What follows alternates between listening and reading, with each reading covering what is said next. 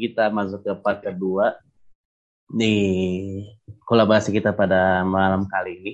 Jadi ini lu masukin lu ke podcast Ananto, kolaborasi kita yang kedua kali ini. Karena kita, tadi kan sempat gue bilang kan lu ngerantau untuk dapat cuan dan lu beruntungnya juga ada kakak lo di sana kan bang, betul? Yuk, betul. Nah, jadi ini lebih tepatnya kayak kita nggak bahas tentang perjuangan lu ngerantau udah dapat cuan di kota Jakarta karena ya bisa dibilang cerita tersebut juga nggak terlalu menarik karena lu tinggal di tempat kakak bukan di ongkos sendiri kan?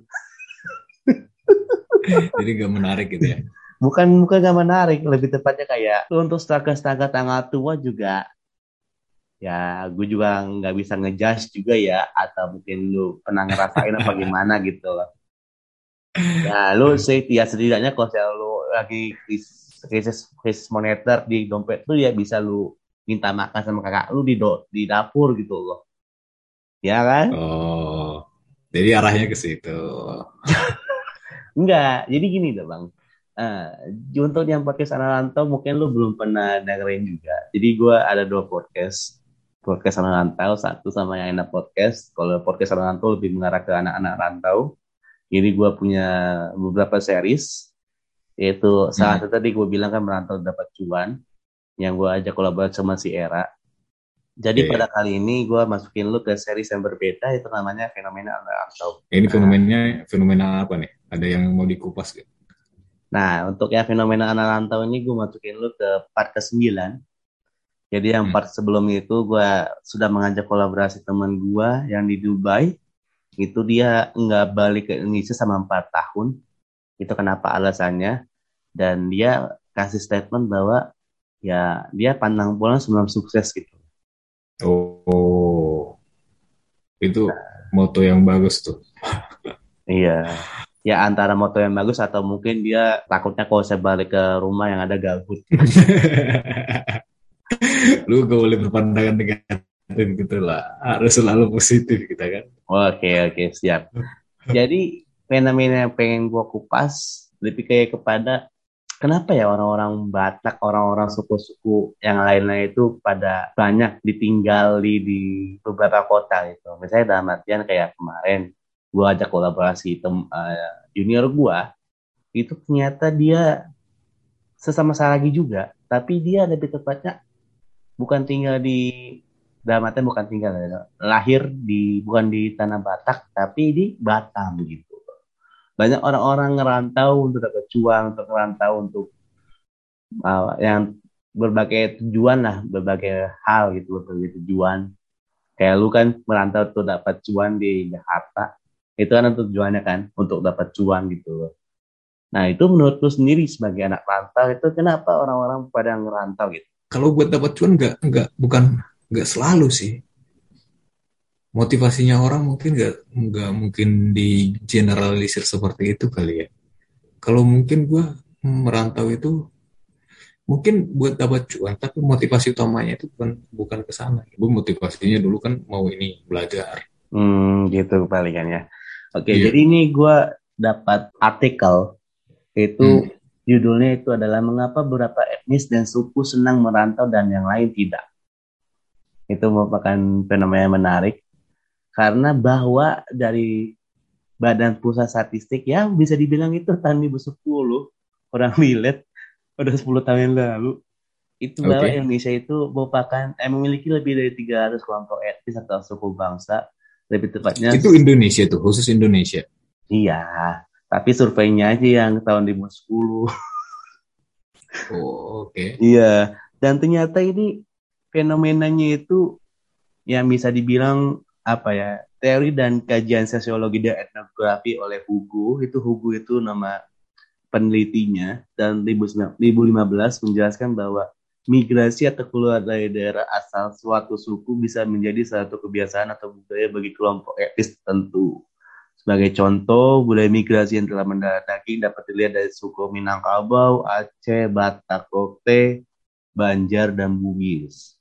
Sementara itu suku-suku seperti Jawa dan Maluku ada contoh suku-suku yang cenderung tidak melakukan migrasi tetap hidup di kampung asal. Dan itu pun hmm. menurut lu sendiri itu betul nggak yang dibilang sama Hugo ini? Kalau menurut gue itu ini kali ya, lebih ke faktor ekonomi dan sosial kali ya. Jadi mungkin orang untuk memperbaiki kualitas ekonomi mereka, mereka harus merantau karena struktur geografisnya mereka tidak mendukung gitu, seperti yang di itu Hmm, ternyata ini artikel ini ditulis oleh ilmiawan awal awalin tahun 2019. Itu dia dapat apa ya uh, insight atau pandangan beberapa uh, beberapa temuan itu kenapa orang-orang suka atau mungkin senang untuk merantau itu salah satunya juga itu tadi kan bilang migrasi. Migrasi ada bagian dari budaya beberapa suku. Nah, proses merantau menjadi adat dan sampai sekarang fenomena ini dianggap biasa. Selanjutnya merantau sering diharapkan oleh laki-laki sebagai masa yang penting dalam taraf perkembangan menjadi dewasa. Selain faktor pendorong seperti terbatasnya tanah pertanian, mobilitas mereka dipengaruhi oleh adanya kesempatan-kesempatan di tempat yang lain, dan juga oleh hasrat pribadi. Orang-orang yang merantau dianggap lebih berhasil daripada yang tinggal di kampung halamannya. Itu pun penelitian itu dilakukan oleh Maude dan Naim di tahun 1990 menyatakan bahwa walaupun keadaan ekonomi sering dijadikan alasan untuk merantau, tetapi mereka memberi tekanan kepada faktor tradisi dan argumen bahwa kebudayaan merantau tertanam dengan dalam pada masyarakat-masyarakat perantau ini. Nah, lu sebagai orang-orang ya bisa dibilang lahir dari desa. Betul nggak? Dari yang tadi gue bacain tadi itu. Beberapa hal gue setuju. Itu tapi itu menjadi budaya karena mungkin terulang kali ya. Kan budaya itu tercipta karena ada proses yang cukup panjang tuh. Eh, waktu dan kuantitas gitu bisa terulang beberapa kali bisa menjadi budaya gitu. Kayak mirip moralitas manusia lah. Hal yang dianggap lumrah kalau terjadi berulang kali tapi itu kalau kita bahas itu nanti terlalu melebar kali. Balik aja langsung. Menjadi budaya kali karena sudah terulang beberapa kali dan ter tetap terjadi. Makanya itu bisa disebut sebagai budaya. Kalau gua setuju karena tadi lahan itu lahan buat uh, mencari ini meneruskan hidup memperpanjang dan memperbaiki kualitas hidup itu lebih terbuka di daerah lain gitu. Karena dulu kan kalau kita bahas sejarah juga sedikit sejarah, daerah-daerah yang ekonominya jauh lebih baik itu daerah pesisir kan, kayak Batavia sama inilah dan lain-lain sebagainya. Jadi mungkin buat mencari peluang lapangan kerja lebih ini lebih gampang Bang. Bahkan ya bisa dibilang kose untuk lahan pertanian juga lebih banyak diisi sama rumah-rumah kan. Cuman kan ininya kan proses sistem ekonominya ini sistem hmm. ekonominya lebih lebih maju walaupun diisi rumah-rumah. Maksudnya ya. lapangan pekerjaan lebih banyak gitu loh. Hmm, iya sih betul. Dan ini gue dapat artikel lagi dari Quora. Ini yang nulis dari Alexander Siagian. Wah, Batak banget nih kayaknya nih. Iya, Siagian pasti Batak. Iya. Ini dia kasih judul pada artikel ini, suku mana di Indonesia yang suka merantau dan yang tidak suka merantau. Ya, dia pakai data-data tahun 2010, pada akhirnya juga karena mungkin ini datanya kurang valid, bukan kurang valid tapi sebenarnya kurang update. Karena kan kita tapin tahun 2022 dan juga uh, sudah ada beberapa provinsi yang sudah dibentuk. Apalagi di Papua kan sudah ada tiga uh, tiga provinsi terbaru lagi. Bisa dibilang ini ada beberapa catatan katanya. Itu ada tempat kelahiran tidak sama dengan daerah asal satu etnis. Orang Sunda yang lahir di Papua misalnya akan dicatat sebagai orang kelahiran Papua jadi jika setelah dewasa dia tinggal di Bandung, Jawa Barat, dia dianggap pendatang asal Papua, meskipun kakek neneknya asli Bandung. Apalagi jika di suatu provinsi sangat majemuk etnisitasnya, kita akan sulit mengasumsikan suku mana yang kebanyakan merantau dari provinsi itu. Nah, kalau saya menurut lo sendiri, ada nggak sih kayak teman-teman lu kayak tiba-tiba kayak, ya dia ternyata dari marganya orang oh orang Batak, tapi dia lahirnya di apa ya di Jawa Barat gitu loh. Ada nggak? Lo ketemu gitu nggak? Ada, ada. ada. Bukan kayak lu aja, lu kan orang Batak tapi lahir di Jakarta.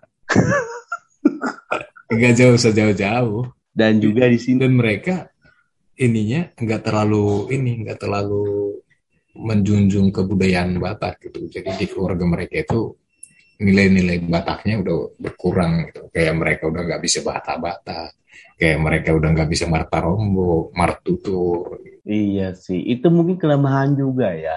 Ya tadi yang gue juga sempat, yang tadi sempat bilang kan, gue orang Batak tapi nggak bisa bahasa Batak. Nah itu. Nah itu tuh, berarti lu udah bu, lu bisa dibilang lu bisa dipertanyakan nih kalau lu datang ke daerah Batak, lu Batak gak gitu? Lu nggak Batak, lu udah lu Betawi lu gitu. Karena ngomongnya juga udah pakai lu gua kan, jadi bukan Batak ya kan. Kalau masuk Batak kan kau, kau aku. Nah, Gitu ya. bahasa baku tapi ditekanin banget ya. Ada iya, ada ini aksen-aksen Aksen tertentu. aksennya. Oke. Nah, terus yang kedua itu di dalam catatannya itu akan halnya banyak orang kelahiran Jakarta yang tinggal di daerah lain, tapi disebabkan karena kebutuhan tempat tinggal. Banyak orang yang lahir di Jakarta setelah dewasa dan berkeluarga memiliki, memilih berdomisili di sekitar Jakarta, yaitu Tangerang dan Bogor, Depok, serta Bekasi, yang harga rumah dan tanahnya relatif lebih terjangkau. Akibatnya mereka akan tercatat sebagai pendatang dari, di Provinsi Bat- Banten atau Jawa Barat. itu masih masih batas wilayah doang sih itu nggak mungkin dia anak Jakarta lahir ini pindah ke Tangerang gitu langsung dibilang orang Tangerang kan nggak mungkin Iya, apalagi kan lu apa kan di Tangerang kan BTW ini? iya cuman gue di Tangerang cuman KTP gue tetap KTP Jakarta kan jadi itu masih inilah masih macam-macam lah yang begitu Tapi uh, kita menyampai sebentar ya. Ini juga uh, kegelisahan di era-era era-era masa-masa kita muda ini.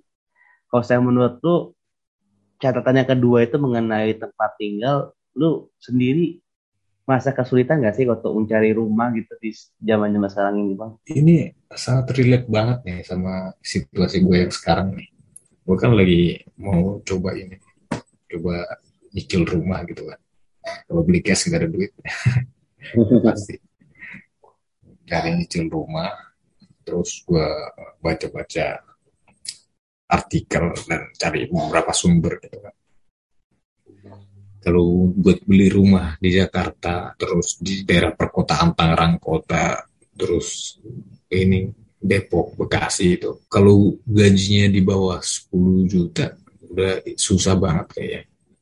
Kalau buat nyicil rumah di daerah yang tadi gue bilang. Jadi Hmm. cukup dilematis ya. Kalau lu beli rumah di daerah yang cukup terjangkau kayak di Tangerang Selatan Bogor terus agak agak jauh-jauh ke sana lah pelosok-pelosok gitu. Lu bisa beli tapi lu nggak bisa tinggalin buat eh, kesehari sehari-hari ke tempat kerja. Karena sehari-hari ke tempat kerja bisa makan waktu 2 sampai 3 jam gitu kalau naik kendaraan pribadi. Karena kendaraan kendaraan pribadi sama kendaraan umum kan masih ini kendaraan umum masih terbatas di di Indonesia ini aksesnya Hmm, oke. terus siap. lu lebih banyak konsumsi tenaga kan nyetir capek macet dan lain-lain jadi nggak inilah nggak mendukung lah buat ini buat ditinggalin berangkat berangkat pergi kerja makan waktu 6 jam gitu Hmm, betul betul betul.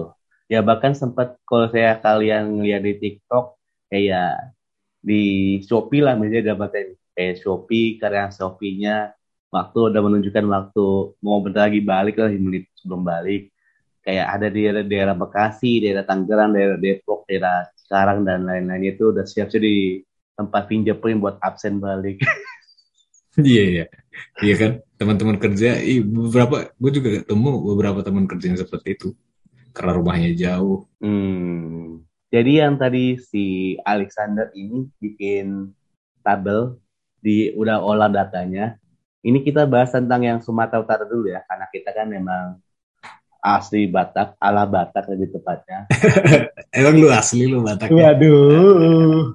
Ya tadi lu bilang yang diragukan ya.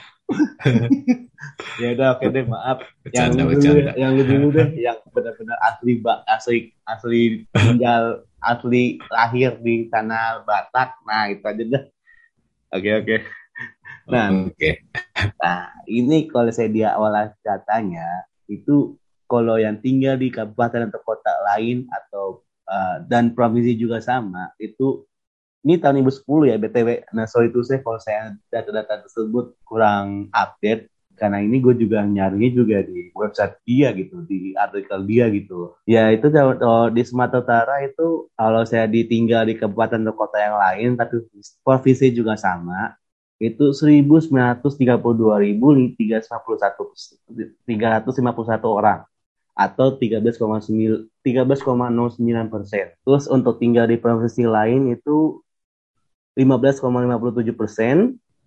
Total tinggal di kabupaten atau kota lain itu 28,66 persen. Dan menetap di kabupaten atau kota kelahiran itu 71,34 persen. Lumayan banyak juga. Tapi kalau saya menurut lu sendiri bang, orang-orang orang Batak suka merantau nggak? Mungkin suka kan karena suka bener-bener pengen ya. Cuman karena itu tadi faktor ekonomi mungkin harus memaksa gitu. Misalkan ya kalau kita bahas daerah daerah inilah daerah Tubasa sana atau Samosir. Kalau hasil pertanian di sana kan nggak terlalu bagus ya. Jadi lahan pertanian cukup gersang, terus keluarga mereka besar, jumlah jumlah ininya jumlah sau- saudaranya gitu kan. Ada sampai 8 sampai 10 orang. Jadi buat menghidupi satu keluarga yang berjumlah 8 sampai 10 orang di dalam satu keluarga, kalau cuman punya lahan pertanian satu petak, agak gimana gitu, susah lah. Iya iya, bahkan Jadi ya mereka meng- mengharuskan mereka buat merantau gitu, buat mencari kehidupan yang lebih baik. pada akhirnya juga rantau bukan suka-suka banget ya, terdesak juga ya. Ada tujuan tujuan yang lain gitu lah ya. Iya, lebih ke didesak sih. Mereka diharuskan untuk merantau. Tapi mungkin kita eh, kedengarannya membuat mereka terlihat menyedihkan kali ya kalau bilang begitu. Iya iya, berkesan kayak menyedihkan ya, parah banget berarti. Oke, eh jadi untuk kolaborasi kita terakhir ini, lu coba kasih kesan sebagai yang lahir di kota di Sumatera Utara di Hmm. Tanah Batak tentang fenomena yang tadi kita sebutin. Fenomena kenapa orang-orang banyak ngerantau. Bagaimana? Dari sudut pandang lu. Dan coba, coba kasih pesan. Ternyata kalau saya untuk merantau itu enggak sepahit yang anda pikirkan loh. Ya walaupun hitungannya tadi Lulus bilang kayak terkesan menjadikan karena terdesak oleh ekonomi dan lain-lain ya bahkan juga gue bikin set itu sendiri gitu loh ada kayak merantau untuk, untuk dapat cuan merantau untuk magang merantau untuk kuliah atau sekolah yang dan lain-lain gitu loh dari sudut pandang lu aja gitu bang Kalau menurut gua merantau itu enggak hal yang menjijikan atau jelek atau menakutkan gitu. Merantau itu bisa menjadi hal yang menyenangkan. Cuman tadi lu harus menikmatinya, eh, mensikapinya dengan pola pikir yang positif gitu. Kita bisa hidup dengan layak kok merantau. Kita bisa melakukan mendapatkan banyak hal ilmu baru, pengetahuan baru dan sebagainya. Tapi harus benar-benar siap dengan ininya sih, eh, beradaptasi dengan situasinya gitu. Lu harus menerima konsekuensi bahwa di sini kehidupan yang baru lu harus belajar segala sesuatu yang baru gitu. Mungkin ilmu yang baru. Misalnya kalau lu biasanya bertani di daerah Batak sana, lu harus mungkin belajar menggunakan komputer atau hal yang lain lah. Kalau kalau gue bilang komputer karena gue berkaitan dengan IT ya, jadi banyak beraktivitas dengan komputer. Dan ini bisa membantu kayak tadi yang kita sempat ngomongin itu bisa membantu oh, memperbaiki ekonomi keluarga lah. Jadi hmm. merantau bisa menjadi pilihan yang baik. Hmm. Tapi dari diri lo sendiri, tujuan lu ngerantau itu apa sebenarnya bang? Kalau gua, gue merantau itu 100% buat kuliah sih belajar. Jadi gue gue sempat ini sempat sempat bilang ke orang tua gue pengen kerja aja deh nggak usah kuliah dulu gitu dan mereka nggak setuju lu harus sekolah tamat sekolah nanti baru kalau mau kerja di sini boleh kalau mau kerja di di tempat di kampung atau di mana pun itu boleh lah gitu. Hmm. Jadi Dan tujuan kena... utamanya 100% oh. buat kuliah. Oke, dan tadi kan lu sempat bilang kan kalau misalnya lu habis kelar kuliah buat kerja balik juga nggak apa-apa. Tapi kenapa lu masih tetap menjalankan sebagai anak rantau untuk dapat cuan di Jakarta ini bang? Kenapa nggak balik? Oh, berprofesi di Jakarta, kenapa berprofesi di Jakarta gitu? Iya. Pengalaman sih. Jadi dari nasihat orang tua, kalau lu ini pengen balik kayak tadi jangan balik sebagai kosong gitu. Orang yang kosong yang nggak ngerti apa-apa.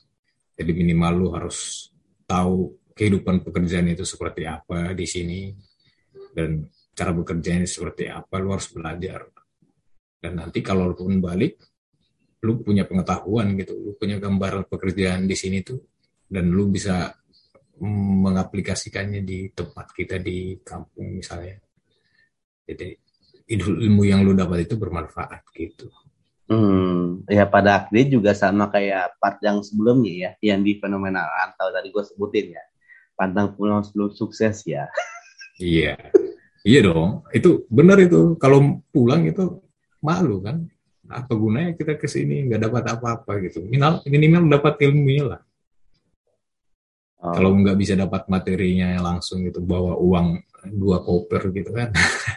Waduh, udah kayak beli transfer pemain aja. Dua koper langsung hancur. Jangan nanggung maksudnya. Oh. Kalau satu koper kan nanggung satu, tangannya satu lagi masih kosong gitu. Oh. Jadi bawa dua biar seimbang. oh. Berarti pada intinya juga kalau saya lu balik masih belum ada ilmu yang lu pengen apa ya terapkan di kampung lu setidaknya untuk bisa berkembang lagi ya daerah lu ya bang ya? Iya setidaknya bisa membangun kalau ini minimal inilah menginspirasi orang lain kalau kita nggak bisa langsung berkontribusi membangun daerah itu gitu menginspirasi orang lain. Hmm. menyemangati gitu. Jadi gini loh kita ada ini ide begini kita bekerja begini kita nanti begini hasilnya begini dalam kurun waktu segini bisa kasih pandangan-pandangan seperti itu lah. Tapi lu, lu sendiri ada target khusus gak? Kayak harus di usia segini baru balik lah apa gimana gitu? Atau mungkin oh. ya, lu ada target lu harus dapat cuan segini baru bisa balik apa Jangan sampai kayak gua...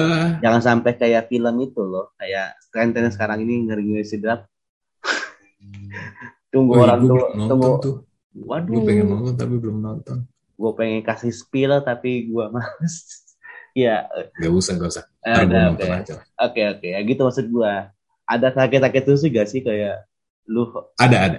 Kalau gue usia maksimal 40 tahun harus balik sukses gak sukses balik 40 tahun maksimal. Kalau dalam punya waktu lebih dekat nggak apa-apa, cuman maksimal 40 tahun. Usia 40 tahun ya. Hmm, itu kondisi di mana lo udah bisa beli rumah di kampung. Nggak, nggak harus beli rumah, nggak. Kalau ini moto hidup gue nggak ini so. kayak, kayak gue coba berpikiran sederhana sih, sesuai ajaran Alkitab soal makanan dan pakaian cukup gitu. Hmm, iya makanya harus di lengkapi dulu ya sadang, pangan, papan, ya untuk yang lain-lain mungkin lawakan atau yang lain-lain itu juga. Itu keperluan untuk ya senang-senang aja kita gitu kalau kayak gue itu dia kayaknya mungkin uh, gue nggak terlalu disukain karena gue nggak terlalu materialistis gitu. Jadi gue hidup apa adanya aja cukup oh. gitu nggak terlalu gue pengen ini gue pengen ini gitu. Nggak terlalu mewah foya-foya segala macem gitu. Iya. Jadi gue hidup sesederhana mungkin se nggak terlalu menjadi membuat orang iri nggak terlalu membebani orang gitu. Kalau yeah, membebani yeah. orang kan berarti kita kekurangan. Kalau kita hidup kita terlalu mewah orang lain iri kan kebanyakan hmm. begitu Iya, tadi lu bilang hidup Jadi sederhana, hidup. tapi kalau saya kita lihat sederhana juga mahal. itu kan restoran Padang itu mahal. Iya. Sederhana yang mahal itu. Tapi yang tadi lu bilang uh, moto hidup lu mengalir seperti air, tapi kata Bang Komen, eh, kata Bang Komeng di dalam sungai juga itu ada tai. Lu mau ikutin tainya apa gimana? Nah itu itu mah kalau dibawa komedi mah semuanya bisa jadi aneh jadinya makanya nggak jangan selalu itu kan sebenarnya mengalir seperti air itu bukan moto itu kan filsafat dari Cina itu hmm. jalan hidup mengalir seperti air gitu jangan yeah. dipaksakan Oke siap, thank you ya Bang Anwar atas waktunya. Sorry banding ya waktu lu.